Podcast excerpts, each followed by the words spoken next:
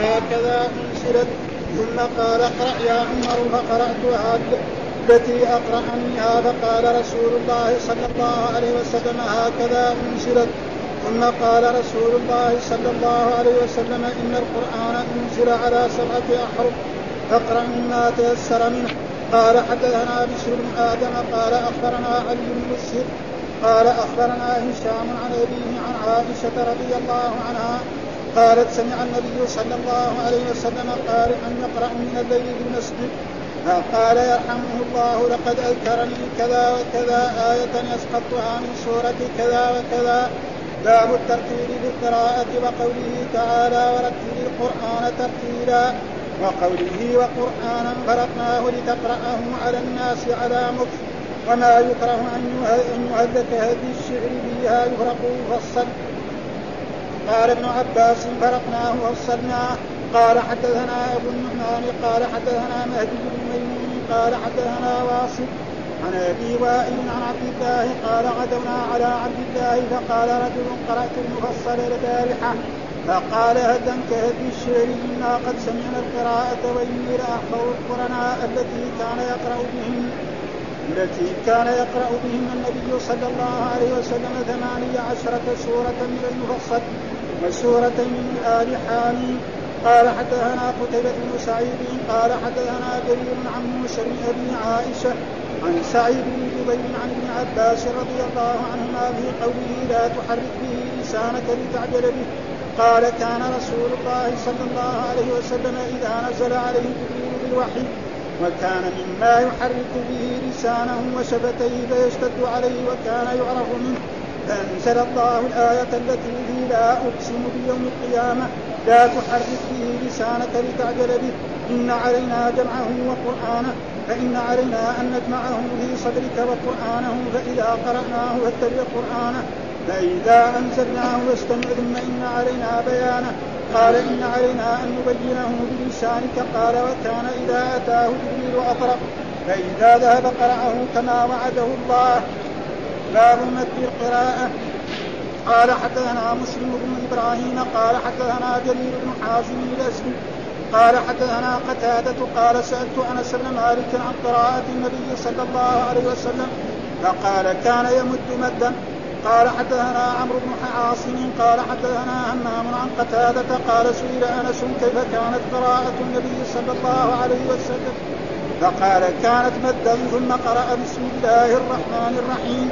يمد بسم الله ويمد بالرحمن ويمد بالرحيم. طيب أعوذ بالله من الشيطان الرجيم. بسم الله الرحمن الرحيم. الحمد لله رب العالمين. والصلاة والسلام على سيدنا ونبينا محمد وعلى آله وصحبه وسلم أجمعين. باب من لم يرى بأسا أن يقول سورة البقرة وسورة كذا وكذا. هذه الترجمة ترجمها الإمام البخاري ليرد على بعض العلماء الذين يقولوا أنه لا يقول سورة البقرة إنما يقول السورة التي ذكر فيها البقرة. السورة التي ذكر فيها العنكبوت السورة التي ذكر فيها النمل السورة التي ذكر فيها الفيل مثلا. وهذا أتى بحديث رسول الله صلى الله عليه وسلم أن الرسول سمى سورة الآيتين التي في إيه؟ آخر سورة البقرة. ها؟ الرسول كذا قال. ها؟ من قرأ الآيتين التي في آخر سورة البقرة فقد كفت.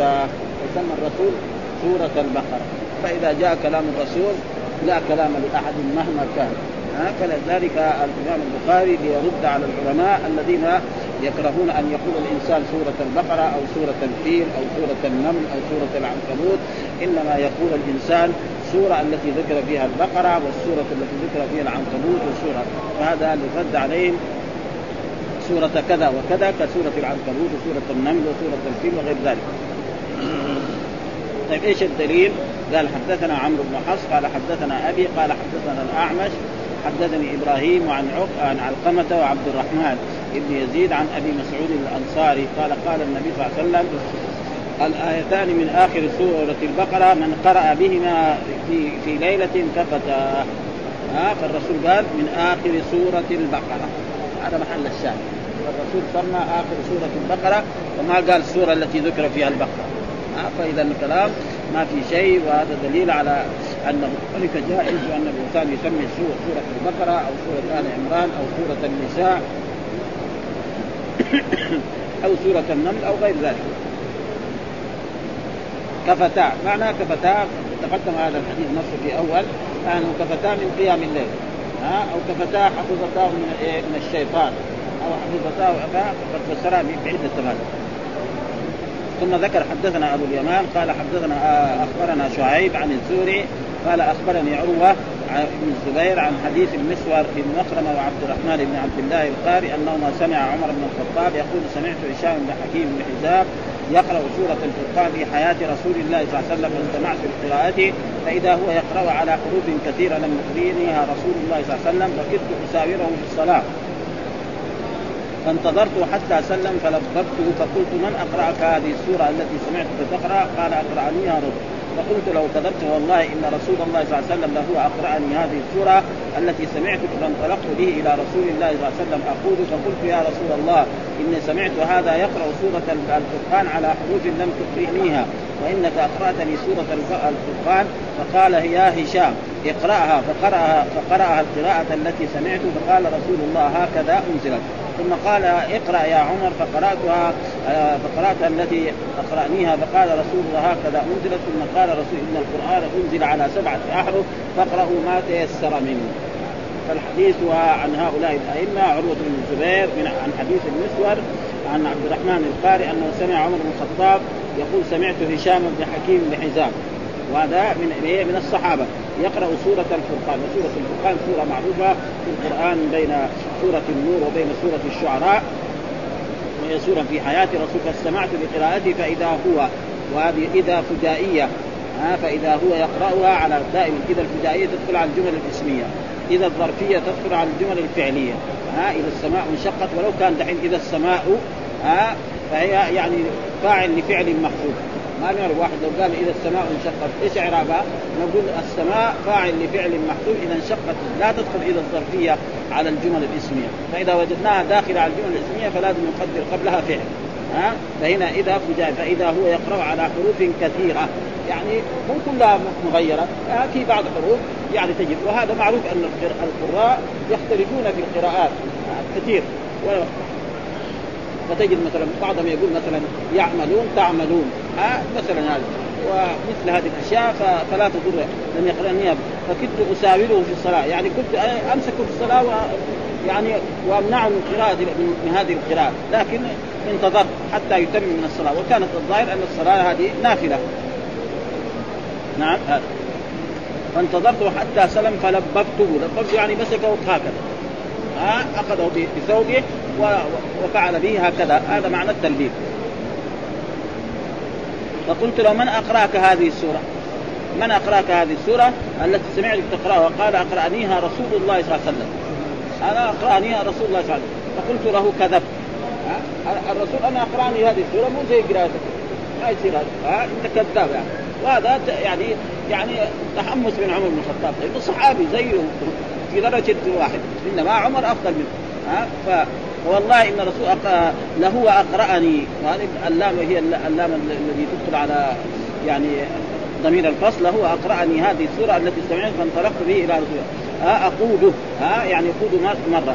ها فقلت يا رسول إني سمعت هذا يقرأ سورة الفرقان على حروف لم تكن ليس كلها مغيرة. بعض حروف كذا وهذه معروف أن القراء يختلفون فيها. وانك أقرأت من سورة قال يا هشام اقرأها فقرا القراءة التي سمعت. قال هكذا أنزلت. يعني مثل ما قرأ هشام هذا كذا أنزل. وقال لعمر كذلك أنت اقرأ. فقرأ فقال هكذا أنزل. ثم بين الرسول أن القرآن أنزل على سبعة أحرف وهي القراءة القراءات السبعة التي هي قراءة نافع وقراءة حفص وقراءة يعني آه، عاصم وقراءة آه، الكسائي وقراءة حمزة وقراءة آه، هذا. فما في يعني والقراءة يعني هذه قراءة مشهورة يعني متواترة القراءة القراءة السبعة متواترة. وهناك قراءات كذلك تصير إلى عشرة وإلى الشاذة إلى 14 قراءة. ولا يجوز للإنسان أن يقرأ بالقراءة الشاذة. أما القراءة السبعة فله أن يقرأ بها فلذلك الآن يختلف قراءة حفص غير قراءة في بعض الآيات. قراءة نافع كذلك في غيرها. قراءة حمزة والكسائي. والقراء الطلاب الذين يقرؤون مثلا في كلية القرآن نسمعهم مرات في الإذاعة يقرؤون قراءات يعني ما في يعني إن القرآن أنزل على سبعة أحرف. نعم فقال رسول الله هكذا ثم قرأ رسول إن القرآن أنزل على سبعة أحرف. يعني على سبعة قراءات ليس معناه على سبعة أحرف كل حرف مختلف. آه ليس هذا. ها ثم بعد ذلك أتى بالحديث لبعده قال حدثنا بشر بن آدم قال أخبرنا علي بن مسهر قال أخبرنا هشام عن أبيه عن عائشة رضي الله تعالى عنها قال سمع النبي صلى الله عليه وسلم قارئا يقرأ من الليل في المسجد فقال يرحم الله لقد أذكرني كذا وكذا آية أسقطتها من سورة كذا وكذا. فيقول في هذا الحديث برضو عن هؤلاء الأئمة نعم عن أخبرنا هشام عن ابي الذي هو عروة عن عائشة التي هي خالة. عروة قال سمع النبي صلى الله عليه وسلم قارئا يقرأ من الليل في المسجد. يعني في مسجد رسول الله أو في مسجده التي هو يصلي فيه. لأن المحل الذي الإنسان يصلي فيه يسمى مسجد. فإذا كان الإنسان له غرفة ودائما يقرأ فيها القرآن أو يصلي فيها فإنها تسمى مسجد. يعني الحديث المسجد كان مفتوح بالليل ها؟ ها؟ يعني ما ما يلزم من ذلك انه في مسجد الرسول، يعني في مسجد قلنا يعني قد يكون مسجد الرسول ها؟ أول مسجد الرسول لم يكن عليه أبواب يعني. ها؟ يعني قرانا في أول البخاري أن الكلاب كانت تدخل هذا المسجد ما في لا فراج ولا في شيء ولا في أموال. الناس دحين يخافوا على الأموال اللي فيه ها؟ ها, ها؟ يعني مسجد رسول الله في أول البخاري قرأنا إن مسجد النبي صلى الله عليه وسلم كان مفتوح ويدخله الكلاب حتى ها؟ في أول البخاري يعني ما في شيء ها؟ لأنه ما في لا فرش ولا في شيء ولا في ابدا. ف... وثم المسجد قد يطلق على مسجد الرسول وقد يطلق على مسجد الرجل. المحل الذي يخصص الإنسان لصلاته في الليل يسمى مسجدا. يعني ليس معناه إنه اذا ها؟ فقال يرحمه الله لقد أذكرني ها؟ لقد ذكرني كذا وكذا آية أسقطتها من سورة كذا وكذا. يعني فهذا يعني الرسول يعني كما جاء في بعض الأحاديث أن إني أنسى كما تنسون فإذا نسيت فذكرون. وتقدم لنا أحاديث أن الرسول نهى أن يقول الإنسان نسيت آية كذا وكذا إنما يقول نسيت ها؟ بالبناء للمجهول ها؟ فلذلك هذا هذه الأحاديث أحد الشاهد من هذا سورة كذا وكذا؟ اي اي اي سورة كذا. إيه يعني لقد ذكر آه لقد ذكرني كذا اسقطت منه وهنا على سبعة أحرف هذه على سبعة أحرف. فاقرأوا ما تيسر منه. هنا فاقرأوا ما تيسر منه. تقرأوا ما يعني مو لازم إلا يقرأ على قراءة حفص أو على قراءة نافع ها. ولأجل ذلك يجب كذلك على القراء الذي تعلموا التجويد ما يروح مثلا عند العوام يقرأ قراءة يقعد يقرأ بالقراءات السبعة. فيقول بعض العوام هذا يلعب في القرآن. قد يضربوه يعني. يروح في محل بادية ولا محل ناس جهله يمكن إذا راح في بلاد علمية ما يساوي شيء. لكن يروح في ناس من من الجهله يقعد يقرأ القرآن يقرأ والضحى بعدين يقرأ والضحى بعدين يقرأ يغير. نحن ما نعرف القراءة. فقد يضربوه. وقد يقتلوه كمان. فلازم يخاطب الناس بما يفهمون. تريدون أن يكذب الله ورسوله. يقول هذا يلعب في القرآن. ها؟ فالذي مثلا في بلاده يقرأ قراءة نافع خلاص يقرا قراءة نافع. والذي في بلادنا هنا يقرأ قراءة حفص يقرأ قراءة. والذي في بعض البلاد يقرأ قراءة آه، يعني آه، غيرها يقرأ فلا فليس فيه حرج أن يقرأ بالقراءات السبعة. وهنا قال فاقرأوا ما تيسر منه يعني فاقرأوا ما تيسر من القراءات السبعة أي يعني قراءة تيسر فليقرأ فيها وأنه ليس عليه حرج وليس عليه. فلذلك الآن بعض البلاد ما يعرف إلا أنا دليل هنا مرة من المرات شخص يعني رأى مصحف مكتوب على قراءة ورش. جاب قال لي هذا كيف هذا غلط كل المصحف؟ كيف يخلوه في الحرم؟ لأنه ما ما عمره شاف. هذا قراءة قراءة قراءة نافع كيف هذا يخلوه في مسجد رسول الله صلى الله عليه وسلم؟ هذا المصحف كله خربان وكله غلط. قلت له هذه يا أخي هذه قراءات كذا كذا. على كل حال. ابدا ها, ها؟ هو ما يعرف ما يعرف إلا قراءة سمع شاف شاف الكتابة غير. مختلفة وهو يعرف كذا فلذلك حدث الناس بما يفهمون فلا يجوز للانسان أن يقرأ أمام العوام قراءات مثل هذه الأشياء يعني يقرأ كذا ويقرأ كذا فقد يتضارب مع الناس وقد يسبوه وقد يشتموه وقد يقولوا يلعب في القرآن فيخاطب الناس ما يفهمون ولا يحدث أي شيء.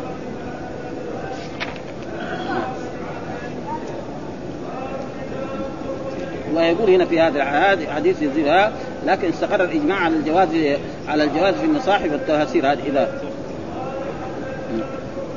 لا تقول سورة البقرة ولا سورة آل عمران ولا سورة النساء. وكذلك القرآن القرآن كله أخرجه أبو الحسين عن ابن قانع في فوائده. والطبراني في الأوسط وفي سنده عبيس بن ميمون العطار وهو ضعيف. وأورده ابن الجوزي في الموضوعات. ونقرأ في تأليف القرآن حديث عن العباس أن يقولوا ضعوها في السورة التي يذكر فيها كذا وكذا. يعني كان الرسول يقول هذه الآية أو هذه الآيات ضعوها في السورة التي يذكر فيها البقرة التي يذكر فيها آل الذي يذكر فيها النساء التي يذكر فيها النمل. فإذا جائز. ها إنما يعني إذا واحد سمى سورة البقرة أو سورة النمل لا لا ينكر عليه ولا هذا لأن يكون سورة كذا وسورة البقرة وسورة النحل وسورة النساء وإنما يقال السورة التي يذكر فيها كذا. وحديث أنس أثبت محمول على انه خلاف الأولى ثم ذكر المصنف في الباب ثلاث أحاديث. ثم ذكر آه, آه، باب آه باب الترتيل في القراءة وقوله تعالى ورتل القرآن ترتيلا وقوله تعالى وقرآنا فرقناه لتقرأه على الناس على مكر وما يكره أن أن يهد كهد الشعر. فيها يفرق أي يفصل. قال ابن عباس فرقناه فصلناه يقول باب الترتيل في القراءة يعني يقرأ قراءة على مهل لا يسرع سرعة حتى يضيع بعض الحروف وبعض الحركات. ها يقرأ قراءة بالترتيل. ها فلا يعني يقرأ قراءة يعني بعجلة زائدة. فإذا قرأ بقراءة عجلة لا هو تفهم الآيات ولا تفهم معانيها وقراءة القرآن المهم الفهم. نعم الفهم والعمل بما في القرآن. فإذا أسرع مرة واحد فإذا يقرأ قراءة وليس معنى ذلك الترتيب في القراءة هذا معناه الترتيب في القراءة. وقوله تعالى ورتل القرآن ترتيلا ورتل القرآن الإمام البخاري ما استدل بها على على التجويد. الآن الناس اللي يجودوا القرآن يقولوا هذا ورتل القرآن ترتيلا على أنه إيه؟ التجويد. آه وأن الإنسان لازم يقرأ قراءه التجويد ويعرف مثلا الإظهار والإخفاء والإدغام والاخفاء ويعرف الوجود المد الأصلي والمد اللازم والمد المتصل والمد المنفصل إلى غير ذلك من أشياء كثيرة. آه، فهذا ليس إنما يقرأ قراءة على قراءة العرب. ومعلوم أن الأولين ما كانوا يقرؤون مثل هذه القراءات التي يقرأها أهل التجويد الآن في الوقت الحاضر. يعني لا شك عندنا في ذلك. إنما ليس معنى ذلك أن كذلك أنه يقرأ قراءة فيها يعطي المدود حقها ويعطيها قال باب الترتيل في القراءة معنى يقرأ على مهله لا يسمع فيها ورتل القرآن ترتيلا. وهذا أمر من الرب سبحانه وتعالى رتل هذا فعل أمر. طيب هذا الأمر على وجه الوجوب أو على وجه الندب؟ بعضهم يقول زي أهل التجويد يقول وكل ابدا. غيرهم يقول لا ورتل القرآن يعني اقرأ على مهل. وهذه القراءة على المهل لها فوائد أكثر. ها أن الإنسان يتفهم الآيات ترتيلا هذا ها وقرانا ثم وقوله تعالى وباب قوله تعالى وقرانا فرقناه ها فرقناه يعني يفصل هذه تقرأه خطاب للرسول صلى الله عليه وسلم تقرأه على الناس على مكس على مهل ها. ثم قال وما يكره أن يهد كهدي يعني ما يكره يكره أن يقرأ القرآن كهد الشعر فإن الإنسان لما يقرأ الشعر نعم يقرأ بسرعة ما في شيء. لكن القرآن لا مفهوم إيه؟ أن يتفهم الآيات ويقرأها قراءة بترتيب وما يكره أن يهد كهد الشعر فيها يفرق أن يفسر. قال ابن عباس فرقناه فصلناه. يعني ابن عبد الله بن عباس قال إيش معنى فرقناه في الآية؟ يعني فصلناه. ف... ف...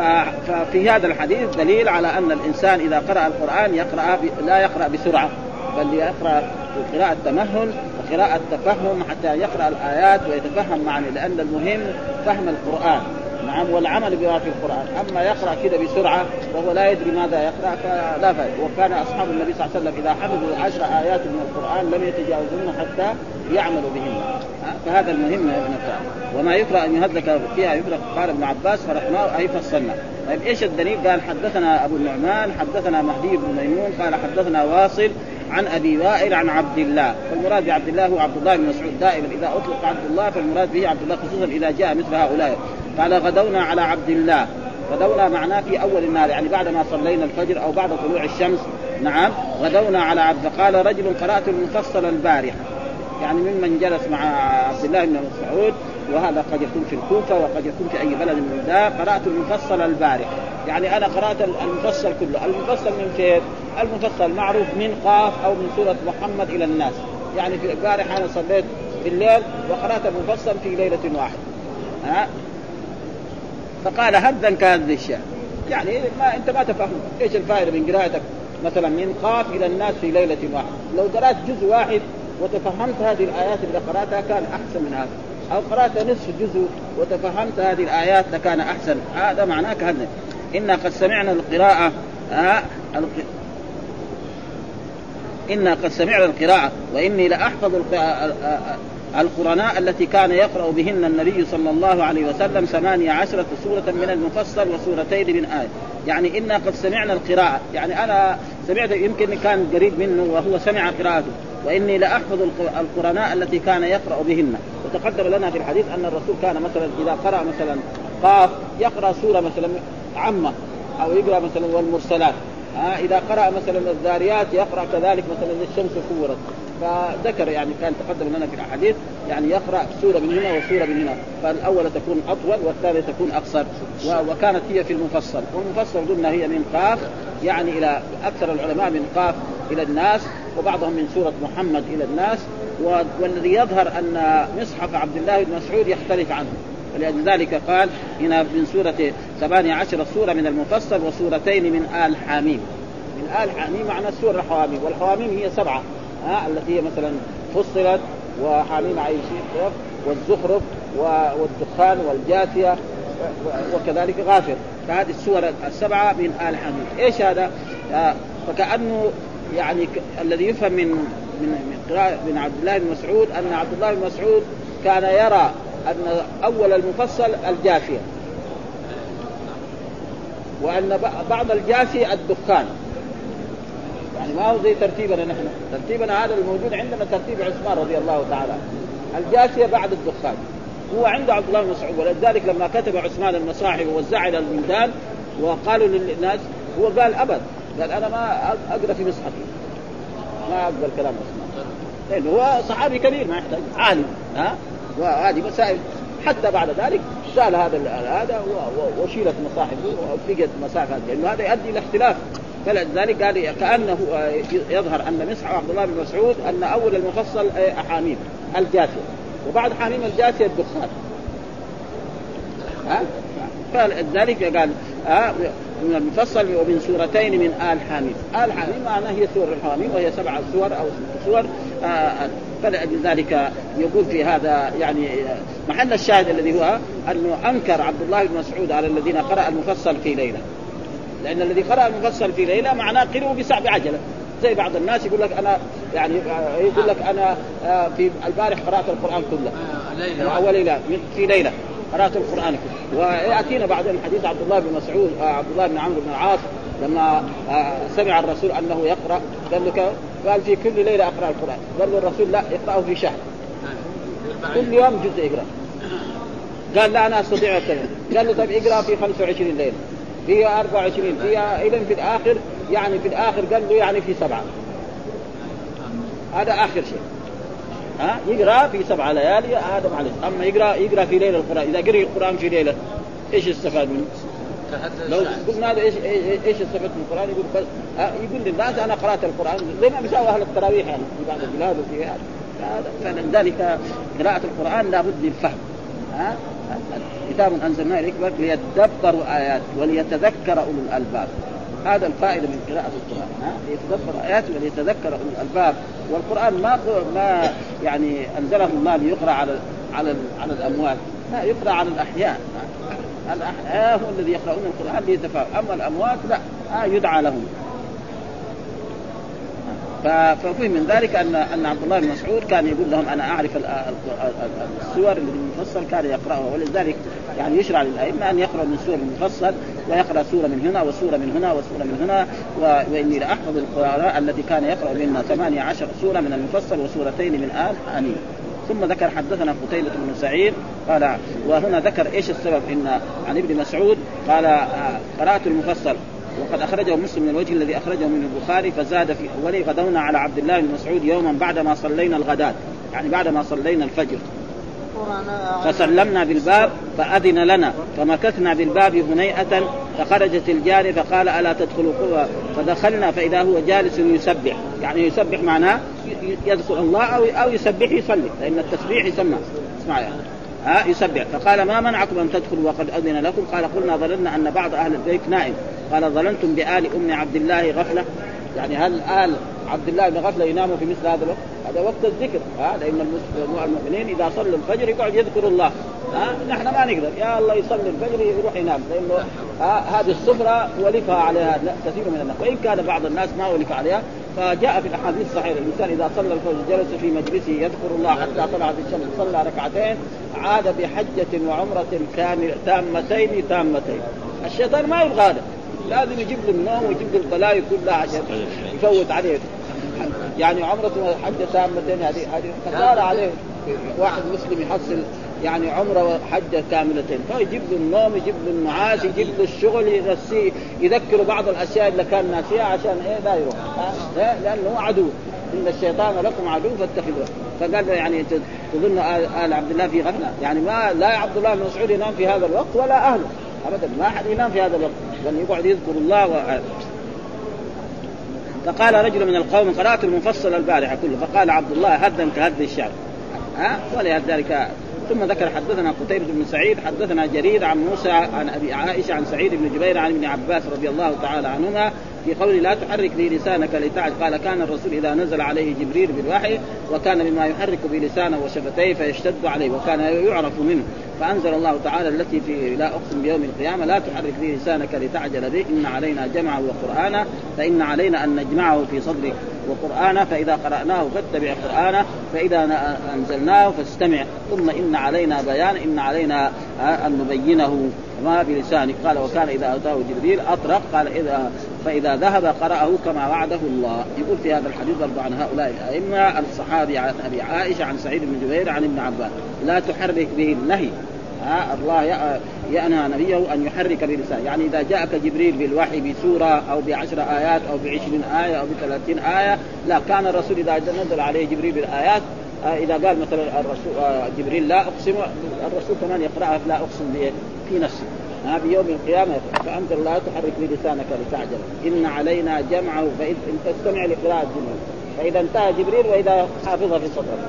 خلاص يخرج جبريل من هنا أنت تقرأ على أصحابه ها حفظا. ما يحتاج. لا زيادة ولا نقص. وكان مما يحرك به لسانه وشفتيه. يعني يقرأ إيه؟ خلفه بدون رفع. فيشتد عليه وكان يعرف منه. فإذا أنزل الله تعالى التي لا أقسم بيوم لا تحرك به لسانك إن علينا جمعه. جمعه في إيه؟ في صدرك. ها وقرآن فإن علينا أن نجمعه في صدرك. وقرآن فإذا قرأناه فإذا قرأه جبريل يعني رسولنا ها قرأناه ها قرأناه يعني الحين الذي يقرأ مو الله الذي يقرأ جبريل. لكن نسب القراءة إلى لأنه رسول. ها مرسل. فقرأناه فاتبع قرآنه فإذا أنزلناه فاستمع.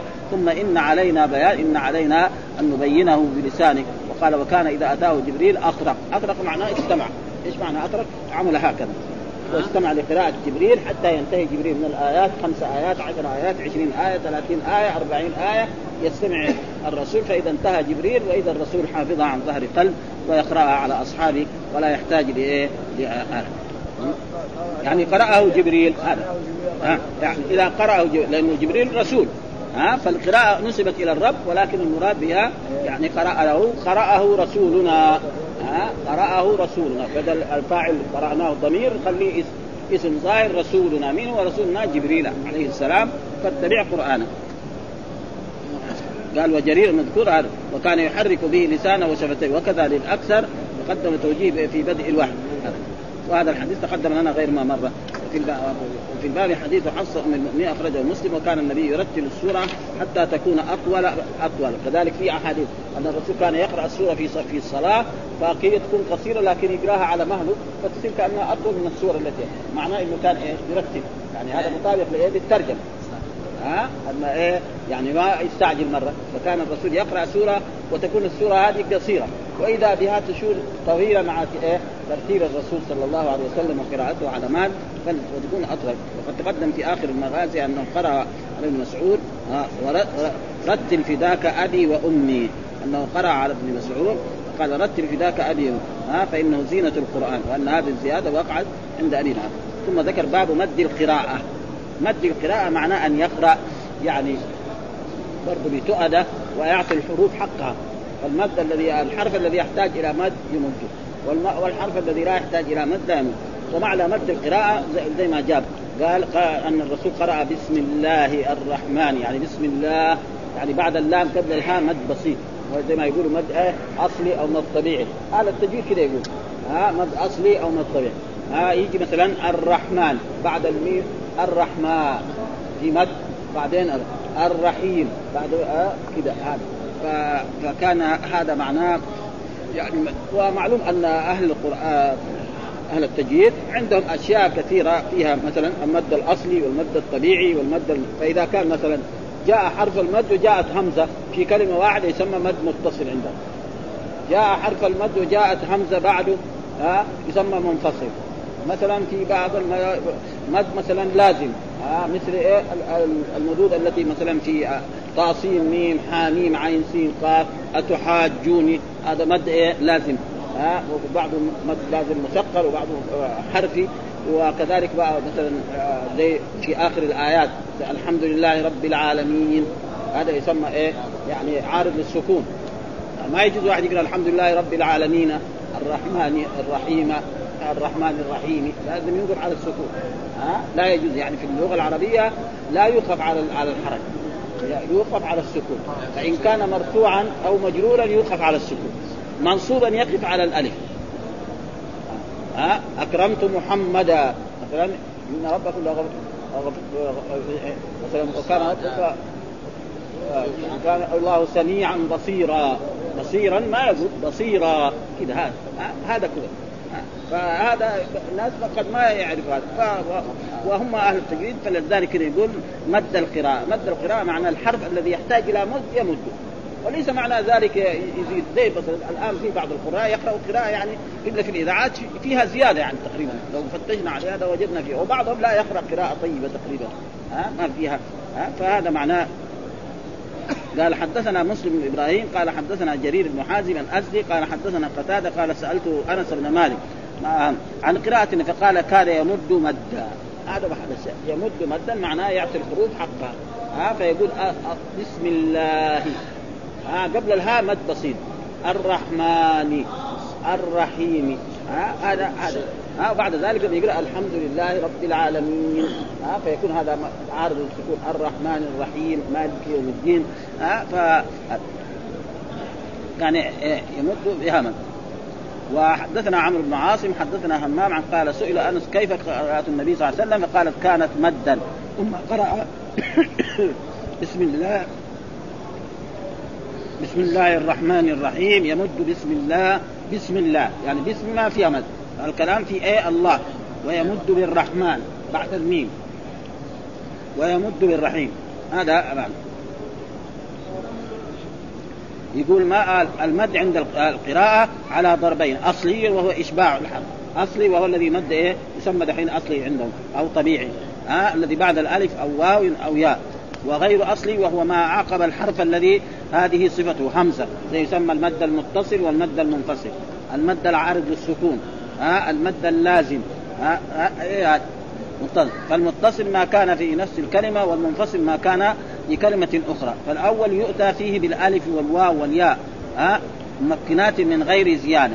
والثاني يزاد في تمكين الألف والواو والياء زيادة عن المد. معناها إيه؟ مد متصل. المد المتصل يمد كم؟ أربع حركات أو خمس حركات إلى ست حركات.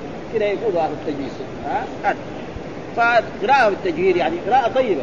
يقول كمان يعني لأنه في بعض البلاد ما يعرف التجويد فتجد فيها يعني فيها فيها أغلاط ها؟ يعني أو يمد مد زايد. يعني يمد المد الطبيعي يساوي مد مد ست حركات لأنه ما يعرف. مثلا بعض العوام وبعض الناس اللي ما, ما فلذلك هذا. لا عدل أن يمد كل حرف منها ضعف ما كان يمده أول وقد زادوا على ذلك قليلا. وما وما أفرط فيه فهو غي... وما فرط فيه. والمراد بالترجمة الضرب الأول الذي هو المد الطبيعي. سئل أنس ظهر آه ظهر من الرواية الأولى أن قتادة الراوي هو السائل في قوله كان يمد مدا. بين بين في الرواية الثانية المراد بقوله يمد بسم الله أي يمد اللام التي قبل الهاء بسم الله هذا. من الجلالة. والميم التي قبل النون من الرحمن. والحاء من الرحيم. وقوله في الروايات الاخرى كانت مدا أي كانت ذات مد. وقع عند أبي نعيم في النسائي أنه كان يمد صوته مدا. وكذا أخرجه الإسماعيلي. نعم آه. كان يمد قراءته وافاد أنه لم يروي هذا الحديث عن قتادة إلا جرير بن حازم وهمام بن يحيى وقوله يمد بسم الله كذا وقع في, في وقع بموحدته قبل الموحدة التي كان وكأنه حكى لفظ بسم الله كما حكى لفظ الرحمن وقول يمد بالرحمن أو جعله جعله كالكلمة الواحدة علما لذلك ووقع عند أبي نعيم يمد بسم الله ويمد الرحمن ويمد الرحيم من غيرها. يقول وكذلك من أخرج ابن سمعت رسول الله صلى الله عليه وسلم يقرأ في الفجر فمر بهذا الحرف. ها لها طلع نضيد. قال فمد نضيد. ها نضيد هذا إيش يسمى مد عرض السكون ها ووقف عليها يسمى مد عارض للسكون على قراءة هذا. التجويد عندنا يا شيخ بسم الله. المد على اللفظ الجلاله لا على قبل اللام. قبل قبل قبل الهاء يمد مد بسيط. أيوه طبيعي لكن نقول بسم الله. إيه ونقف إيه هذا بسم الله. بعد اللام في مد قليل هذا هو اللي يريد. الرحمن. بعد أيوة الإيه؟ هذا الرحيم. بعد الحاء مد. هذا هذا معناه الذي يريد قد سمعنا ناس يقرؤون ها؟ ها؟ ما قد سمعنا ناس يقرؤون هكذا. لا في مد بسيط. مو مد مد الله. بسم الله. في مد ولا لا؟ ويوقف ولا يوصل؟ أيوه. يوصل كذا ها؟ يوصل إيه بسم الله الرحمن الرحيم. أو يقول بسم الله الرحمن الرحيم. بس يمد مد بسيط. هذا والمد الطبيعي يقول أهل التجويد قد ما الإنسان يساوي كذا باصبعه هذا قد ما يساوي باصبعه الاثنين سوا. معلوم هذا قد إيه؟ أقل شيء. بسرعة. يقول هنا آه واستدل بعض بهذا الحديث على أن النبي كان يقرأ بسم الله الرحمن الرحيم في الصلاة. يعني هذه مسألة فائدة جدا يعني ذكرها الحافظ بن حجر ليدل على أن الحافظ بن حجر ما عنده تعصب لمذهب من المذاهب خصوصا هو الشافعي المذهب. ها؟ يقول أن بعض استدل بعض بهذا الحديث على أن كان يقرأ بسم الله الرحمن في الصلاة ورام بذلك معارضة حديث أنس أيضا المخرج في صحيح مسلم أنه كان لا يقرأها في الصلاة. وفي الاستدلال لذلك بالحديث الباب نظر. وقد أوضحت فيما كتبته من النكت على علوم الحديث لابن الصلاح وحاصل أنه لا يلزم من وصف بأنه كان إذا قرأ البسملة يمد فيها أن يكون قرأ البسملة في أول الفاتحة.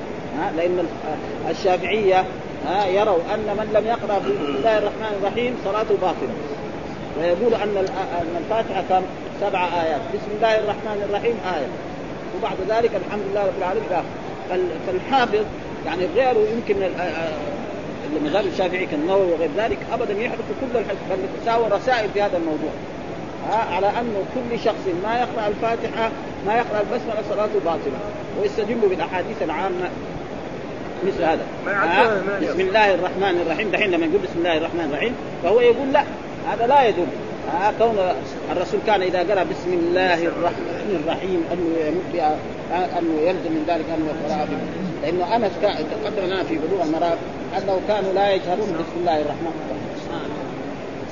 وفي رواية كانوا يسرون بها. جو المالكية يقول لا يقرا بسم الله الرحمن الرحيم أصلا. مرة. ها؟ ها؟ مرة. وانها ليست من ليه؟ إيش الدليل؟ راحوا أخذوا حديث موجود في البخاري. أنه كان الرسول يفتتح الصلاة بالحمد لله رب العالمين. جابوا هذا الحديث. كان الرسول يفتتح الصلاة بإيه؟ بالحمد لله رب العالمين. هي قواعد علمية دائما. الحافظ حجة على من لم يحفظ.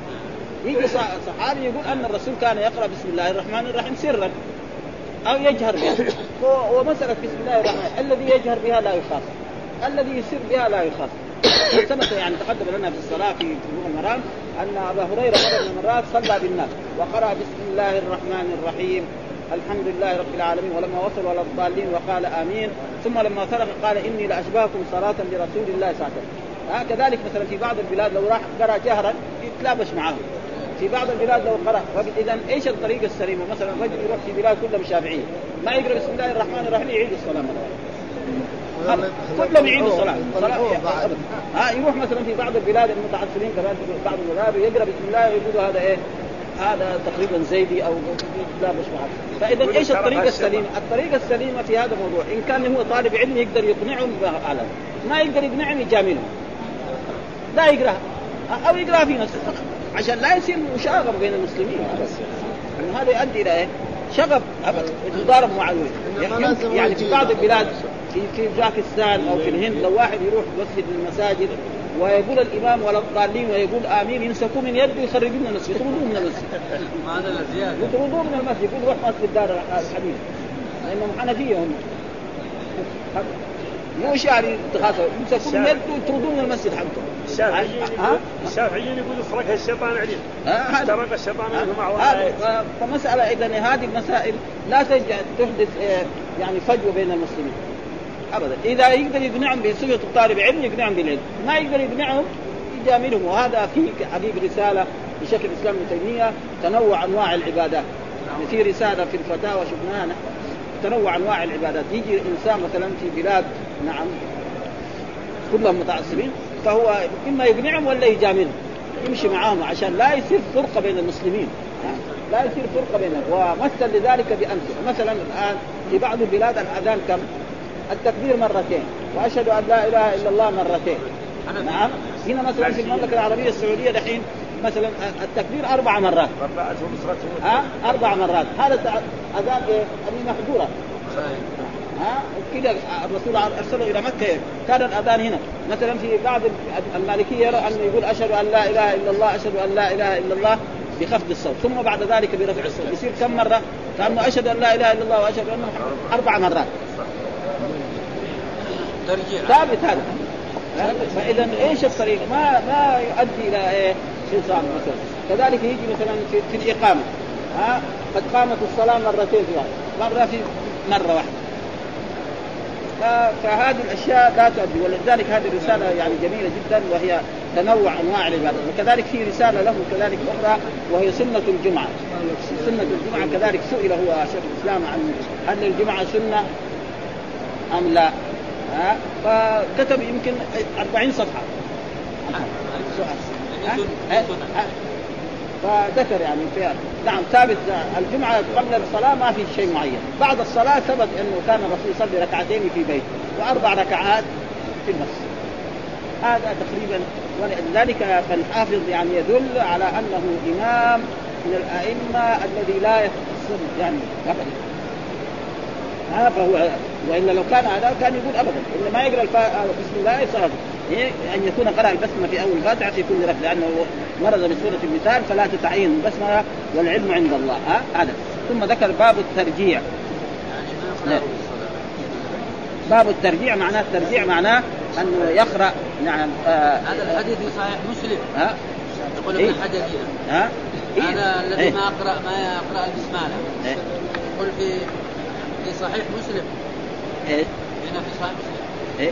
أيوه يقول أنس المخرج المخرج في صحيح هنا يقول ومعارضة حديث أنس أيضا المخرج في صحيح مسلم أنه كان لا يقرا الذي في مسلم أنه كان لا يقرا لأنه قلنا في بلوغ المرام. أن الرسول كان إيه؟ لا يجهر بسم الله وأنهم كانوا لا يجهرون بسم الله لا في أول قراءة ولا في اخرها هذا موجود. ها؟ فهم المتعصبين فيقول إذا ما قرأ صلاته باطله خلاص أصح الأقوال. أن بسم الله آية من القرآن. ها؟ وآية من سورة النمل. هذا أقوى شيء. ها؟ وآية من القرآن هذا بسم لكن هل آية من الفاتحة؟ هذا هو اللي فيه خلاف. ها؟ هذا هو اللي إيه؟ فيه الخلاف في هذا الموضوع. ثم ذكر باب الترجيع ومعنى الترجيع يقول يعني الترديد. يعني يقرأ إيه؟ ترجيع الصوت وترديده في إيه؟ في الحلق. يعني يقرأ إيه؟ قراءة ويقرأ بتؤدة ويرتل ويكرر. مثلا يقول بسم الله الرحمن الرحيم. هذا معناه. وهذه الصلاة يعني تفيد إيه القراءة هذه تفيد إيه فائدة كبيرة. يقول باب الترجيع في الصلاة. إيش الدليل؟ قال حدثنا آدم بن إياس قال حدثنا شعبة حدثنا أبو إياس قال سمعت عبد الله بن مغفل قال رايته يقرأ وهو على راحلة ناقته أو جمل وهو تسير به وهو يقرأ سورة الفتح أو من سورة الفتح. قراءة لينة يقرأ وهو يرجع. ها؟ وهذا كذلك الإمام البخاري كان بيرد على بعض العلماء الذي يقول الإنسان لما يكون راكب على البعير ما يقرأ. لا لا يقرأ ويفتي. وهناك في الحج كان قرأنا أحاديث إيه؟ هل للانسان أن يفتي وهو راكب على راحلته يعني يسأل سؤال. وجاء أحاديث البخاري يعني فهم أن الرسول كان واقف عند جمرة العقبة وكان يسأل الصحابة. رجل يقول يا رسول الله لم أشعر فحلقت قبل أن أرمي. فيقول له ارمي ولا رجل آخر يقول له طفت قبل أن أرمي. عشان يثبت إيه؟ أن الفتوى والتعليم في هذا المكان. لأنه مكان ضيق بالنسبة ذاك الوقت. ها؟ إنه جائز وكذلك هنا دحين يقول أن الرسول كان يرجع يعني راكب البعير أو الجمل وكان يقرأ وقراءة بترتيل وبنغمة. ها؟ حتى الصحابي يقول ها؟ ترجيع الصوت أي ترديده.